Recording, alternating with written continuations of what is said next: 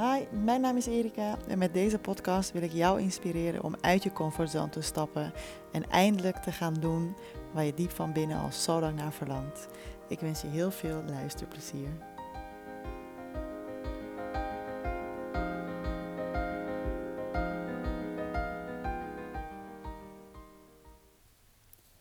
Het is vrijdagmiddag en het was een heerlijke zonnige dag hier in Barcelona. Ik heb lekker op het uh, terras zitten werken en uh, bijkletsen met mensen die ik al een tijdje niet heb gesproken.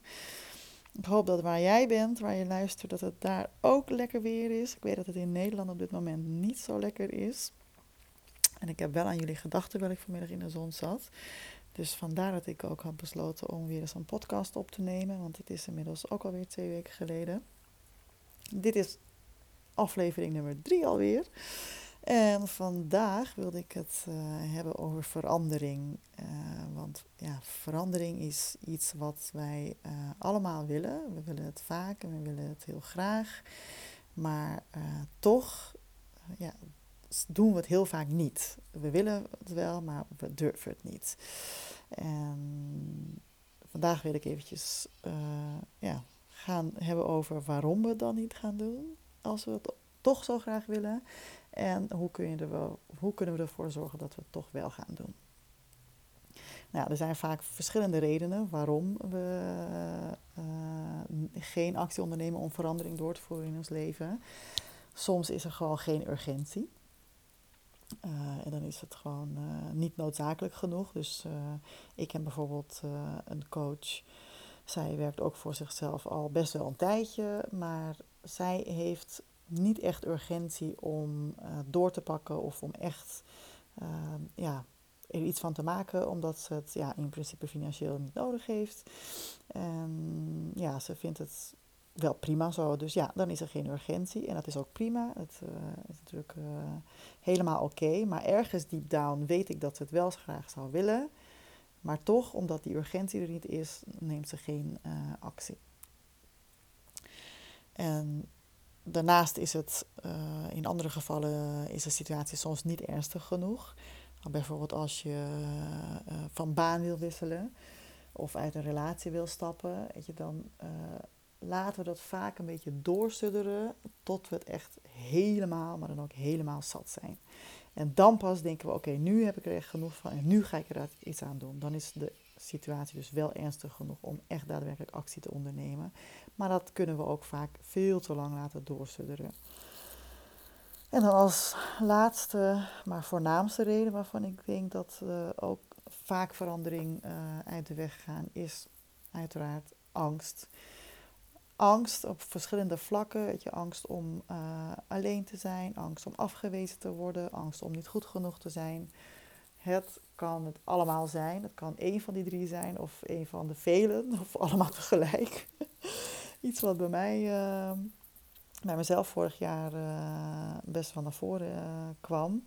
Waardoor ik ook een tijdje dus niks had gedaan met mijn coaching.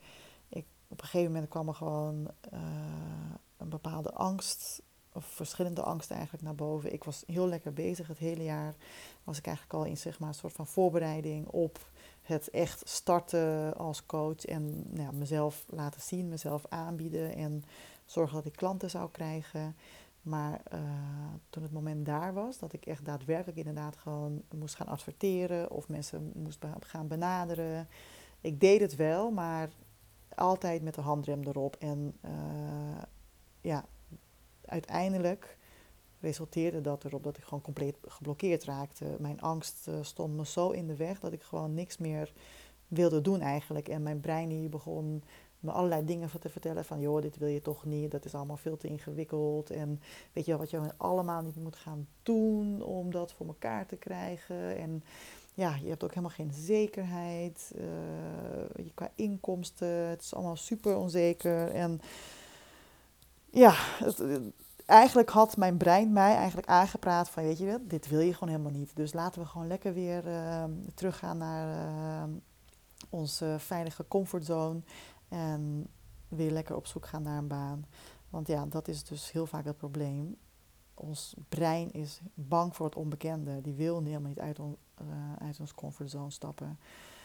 Dus ja, dan uh, gebeuren dat soort dingen. Gelukkig ben ik daar nu overheen, al een tijdje. En als ik eraan terugdenk, dan... Ja, ik, ik weet nog wel hoe het voelde en, en hoe het was. En wat ik allemaal tegen mezelf zei. Maar ik kan me bijna niet meer voorstellen dat ik daar weer in zal belanden. En ik doe ook heel erg mijn best daarvoor om daar niet uh, in te belanden. Dagelijks uh, heb ik zo mijn ritueeltjes om uh, ja, dat te voorkomen. Want het is net als een spier die je traint. Die, dat moet je regelmatig blijven trainen om het sterker te maken. Want anders dan ja, verslapt het gewoon. En dat is met je brein ook zo. Die moet je ook iedere dag blijven trainen om ja, gewoon in een goede conditie te blijven als we dan uiteindelijk toch de moed bij elkaar hebben geraapt om te gaan veranderen of om, om een stap in een bepaalde richting te zetten, dan maken we ook nog eens heel vaak de fout om, te gaan, om meteen antwoord te willen geven op de vragen: wat ga ik allemaal doen en hoe ga ik het allemaal doen? En uh, dat is ook een uh, grote valkuil eigenlijk, waar we voor moeten waken. Want het wat en hoe, dat, dat hoef je niet altijd meteen al vanaf het begin te kunnen beantwoorden. Het is veel belangrijker om te focussen op de vraag waarom. Waarom wil ik dit? En als je dat uh, duidelijk hebt voor jezelf, dan zul je merken dat is, dat is vaak gekoppeld aan een emotie. Een, nou, uiteraard een positieve emotie. En uh, zo'n positieve emotie dan, is dan ook vaak het brandstof om door te kunnen zetten.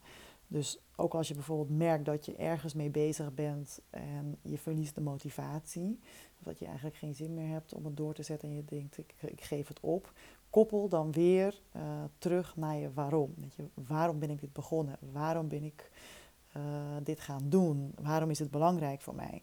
Dus altijd weer terug naar die vraag van waarom. En dat uh, wat, wat je allemaal moet doen en hoe je dat dan gaat doen, dat komt vanzelf. Als je eenmaal gewoon maar een beginnetje maakt, weet je, je begint één, je zet één kleine stap, die eerste stap. En vaak als je dan al bezig bent, dan ontvouwt de volgende stap zich uh, vanzelf. Weet je, het is net alsof je over straat loopt en je, je, je wil de hoek om en dan ga je ook niet blijven staan uh, voor een gebouw voordat je de hoek om gaat en afwachten om te kijken wat er de hoek om komt. Nee, je loopt gewoon die hoek om en dan zie je wat daar gebeurt. En uh, dat is met veranderingen ook heel vaak zo. Dan zet gewoon die eerste stap, en hoe klein het ook is. En daarna komt de volgende stap vanzelf wel. En daarbij is het dus ook heel belangrijk uh, wat je jezelf vertelt. Uh, wat voor taal gebruik je in dat geval? Ga je voor jezelf, blijf je voor jezelf steeds herhalen: Oh, dit is veel te moeilijk, dit kan ik niet. En uh, ja, wie zit er op mij te wachten of ik durf het niet. Ja, dan is dat ook wat je brein gaat geloven. Dus ja, dan gaat je brein jou uh, redenen geven waarom je dat inderdaad niet kan of waarom je dat inderdaad niet durft. En dan raak je dus geblokkeerd en dan gaat er dus inderdaad niks gebeuren. Wat ook heel belangrijk is, is dat je als je eenmaal uh, begonnen bent aan een verandering. Dus je hebt stappen gezet om uh, die verandering door te voeren. En halverwege krijg je toch inderdaad angsten. En durf je toch opeens niet meer verder. Of verlies je gewoon de motivatie dan is het dus ook heel belangrijk, wat zeg je dan weer tegen jezelf? Weet je, gebruik je uh, uh, woorden of zinnen zoals, zie je wel, ik kan het toch niet, of ik had, het al veel, uh, ik had al veel verder moeten zijn, of waarom lukt het mij niet en een ander wel. Ja, dat zijn ook allemaal niet helpende gedachten. Die maken ons alleen maar onzeker, die, maken, die, ja, die demotiveren ons. En in sommige gevallen geven we dan helemaal op. Dan denken we, oké, weet je wat, laat maar zitten, want dit kan ik gewoon niet. En dat is een soort van visieuze cirkel waar we dan in belanden. Want dan uh, hebben we het gevoel van, oh ja, we hebben gefaald. Uh, en dan gaan we onszelf in ja, tussen aanhalingstekens straffen. Uh, omdat we dus hebben gefaald. Dus we gaan onszelf veroordelen. En we hebben weer slechte gedachten en negatief taalgebruik tegen onszelf. En ja, dan kom je dus in die neerwaartse spiraal terecht. En dat helpt dus niet. In, in zo'n geval is het dus heel belangrijk, wat zeg ik ook tegen mezelf als het halverwege inderdaad niet zo gaat zoals ik het had verwacht of zoals ik het had gewild. Praat dan tegen jezelf, net als dat je tegen een vriend of vriendin zou doen in zo'n geval. Weet je, als jij als een vriend of vriendin iets uh, zou ondernemen en het lukt niet, dan ga je ook niet tegen diegene zeggen van Jezus, nou zie je wel, ik, ik wist het wel, je kon het toch niet. Waarom ben je er überhaupt aan begonnen? Dat zou je nooit doen. Dus doe dat ook niet tegen jezelf. Let daar gewoon op, want dat, het klinkt misschien stom en uh, om jezelf uh, aan te moedigen, maar ik zeg heel vaak van, ik ben mijn eigen cheerleader. Weet je, je moet het zelf wel doen. Er gaat niemand anders elke dag tegen jou zeggen: Kom op, je kan het wel. Je, we, gaan gewoon doorzetten en uh, we hebben wel het vertrouwen om het te doen. Niemand anders gaat het doen. Dat moet je gewoon echt voor jezelf doen. En geloof me, het werkt. Ik doe het nu al een tijdje en het werkt echt uh, top. En wat ook nog uh, trouwens een, een, reden is waardoor we heel vaak geen actie ondernemen, is perfectionisme. Heel vaak staat dit ons in de weg. Dan denken we, oh, wat ik heb uh, gemaakt is nog niet perfect. Het, uh, er moet nog veel meer aan gewerkt worden. Ik heb dat heel vaak als ik een uh, artikel schrijf of iets. Dan lees ik het twintig keer door. denk ik, nee, er moet nog iets anders bij. Of er moet nog, toch nog wat aan gesleuteld worden. En perfectionisme is eigenlijk niks anders dan angst om niet goed genoeg te zijn. Of angst om afgewezen te worden. Dat, dat gaat eigenlijk altijd samen. En ik heb het jarenlang uh, in extreme vorm gehad. Waar, en ik had geen idee dat dat inderdaad gelinkt werd aan uh, inderdaad die angst om niet goed genoeg uh, te zijn of om afgewezen te worden. En ik heb het nu nog steeds, want ja, daar kom je niet zomaar vanaf helaas. maar ik werk er wel hard aan. Maar ja, perfectionisme is, is ook echt killing voor je zelfvertrouwen. Want dan is het gewoon kan iets, iets ook voor jezelf nooit goed genoeg. Dus je blijft altijd de lat zo hoog leggen dat je die nooit kan bereiken voor jezelf. En uh, ja, da daar kom je ook echt niet verder mee. Dus ook als je, als je perfectionist bent, um, ja, ja, ga dat dan gewoon analyseren waarin dat terugkomt en probeer dat uh, heel bewust uh, ja, los te laten. Want daar, ja, dat, dat, dat dient je gewoon niet, perfectionisme. Dat dient je gewoon echt niet. Nou ja, en uh, verder, wat ook nog goed om te weten is, uh, is dat angst en onzekerheid, dat heeft iedereen. Ook al lijkt dat niet zo, dat heeft echt iedereen. En dat uh, zullen we ook altijd blijven houden. Weet je, als we nu denken van, oh, ik, ben, ik heb een bepaalde angsten voor iets en, en ik ben onzeker over iets. Als je daar overheen komt, want dat, dat kan je, daar kan je gewoon overheen komen, dan um, komt er uiteindelijk wel weer iets anders waar je angsten voor krijgt of onzekerheden over hebt. Ik hoor ondernemers heel vaak zeggen: um, every level has a new devil. En daarmee bedoelen ze dan dat um, elke keer als je groeit met je onderneming, dus je bereikt steeds uh, uh, hogere omzetten bijvoorbeeld, dan uh, kom je op een gegeven moment kom je weer tegen een, soort van uh, upper limit aan. En uh, tot dat upper limit ben je eigenlijk uiteindelijk weer, zit je weer in je comfortzone. En om dan weer daar doorheen te breken, moet je weer uit je comfortzone. En dan kom je weer in bepaalde angsten en bepaalde onzekerheden als dat je had bij de vorige upper limit. Dus, en zo gaat het ook in het leven natuurlijk. Dat, ja, met andere dingen ook. Dat elke keer kom je gewoon tegen een bepaalde ja, grens aan. En vaak willen we ook door, hè, want we willen als mens gewoon blijven groeien. Want op een gegeven moment als je niet meer groeit, dan, ja, uh, dan ben je gewoon niet meer blij. En dat is gewoon onze natuur. En, maar elke keer als je dan weer een niveautje hoger gaat, dan komt weer die angst en weer die onzekerheid naar boven. Dus goed om te weten dat het nooit weg zal gaan, helaas. Maar uh, het goede nieuws is dat je, als je daarvan bewust bent, dan kun je daar gewoon uh, op voorbereiden. En uh, in principe gewoon accepteren. Dus ook als je je angstig voelt over iets, probeer dat niet weg te stoppen of gewoon niet aan te denken. En denken dat het dan weer weggaat of dat je het niet voelt. Um, probeer dan juist, net als met een klein kind, die angst een soort van gerust te stellen. Um, ik heb het bijvoorbeeld gemerkt, vorig jaar ben ik lid geworden van Toastmasters in Amsterdam. En uh, daar, uh, dat is een club waarbij je leert om te spreken in het openbaar. En nou ja, spreken in het openbaar is echt uh, een van de grootste angsten van de meeste mensen op de wereld. Er zijn weinig mensen op de wereld die ja, niet, geen angst hebben voor spreken voor een groep. En uh, toen ik mijn eerste speech moest doen, weet ik nog wel, toen uh, heb ik allerlei uh, trucjes opgezocht waardoor ik inderdaad mijn zenuwen een beetje kon bedwingen. En toen vond ik dus onder andere inderdaad een truc om dus echt een dialoog aan te gaan met je angst. Net als bij een klein kind ga je dat gewoon troosten en je lichaam gaat op zo'n moment in een soort van fight or flight mode. En uh, die denkt dat er gewoon echt iets vreselijks gaat gebeuren. Dus dat, er, dat je doodgaat of iets dergelijks. Echt, dat klinkt heel dramatisch, maar zo erg is het. Daarom ja, krijgen we die fysieke klachten. Weet je. We gaan zweten, we gaan trillen, we gaan uh, whatever.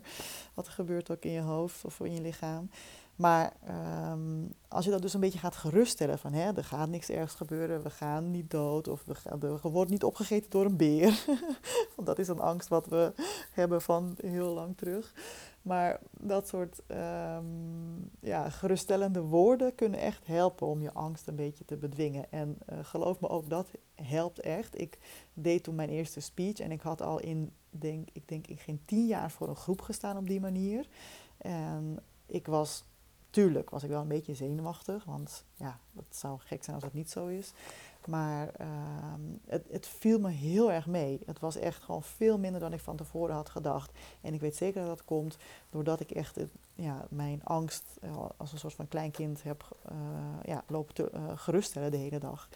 Dus het werkt echt. Probeer het maar gewoon eens. Nou ja, dat wilde ik eigenlijk even delen. Ik hoop dat het jullie wat inzichten heeft gegeven. Dat jullie weer wat nieuws ervan hebben geleerd. En Laat het me weten. Ik vind het leuk om te horen als je er iets aan hebt gehad. Of als je vragen hebt ook, dan uh, mag je me natuurlijk altijd ook een berichtje sturen. En ook leuk om te weten trouwens dat mijn podcast inmiddels ook te beluisteren is in de iTunes. En in de podcast app van de iPhone. En zelfs op Spotify. Dus uh, nou, heb je Spotify, uh, dan kan je hem ook daarin beluisteren. Als je geen iPhone hebt en als je een iPhone hebt, dan uh, uiteraard in de podcast-app. En daar eh, kun je dan ook een, review achterlaten. En dat zou ik echt heel leuk vinden, daar zou ik heel dankbaar voor zijn. Want ehm, als ik uiteindelijk steeds meer reviews krijg, dan kom ik ook hoger in de lijsten. En des te meer mensen natuurlijk kunnen luisteren naar mijn uh, mooie verhalen. Um, dus ja, laat uh, uh, een review achter ehm, als je het leuk vindt. En ja, ik hoop dat, je, dat ik je de volgende keer weer mag inspireren met een nieuwe aflevering. Wellicht wordt een volgende aflevering ehm, een interview waar ik in mijn vorige of mijn allereerste aflevering over sprak dat ik mensen zou gaan interviewen. Um, dat wil ik nog steeds wel gaan doen. Dus misschien wordt de volgende wel een interview. Nou, dankjewel voor het luisteren en uh, ik wens je een uh, heel fijn weekend en tot de volgende keer.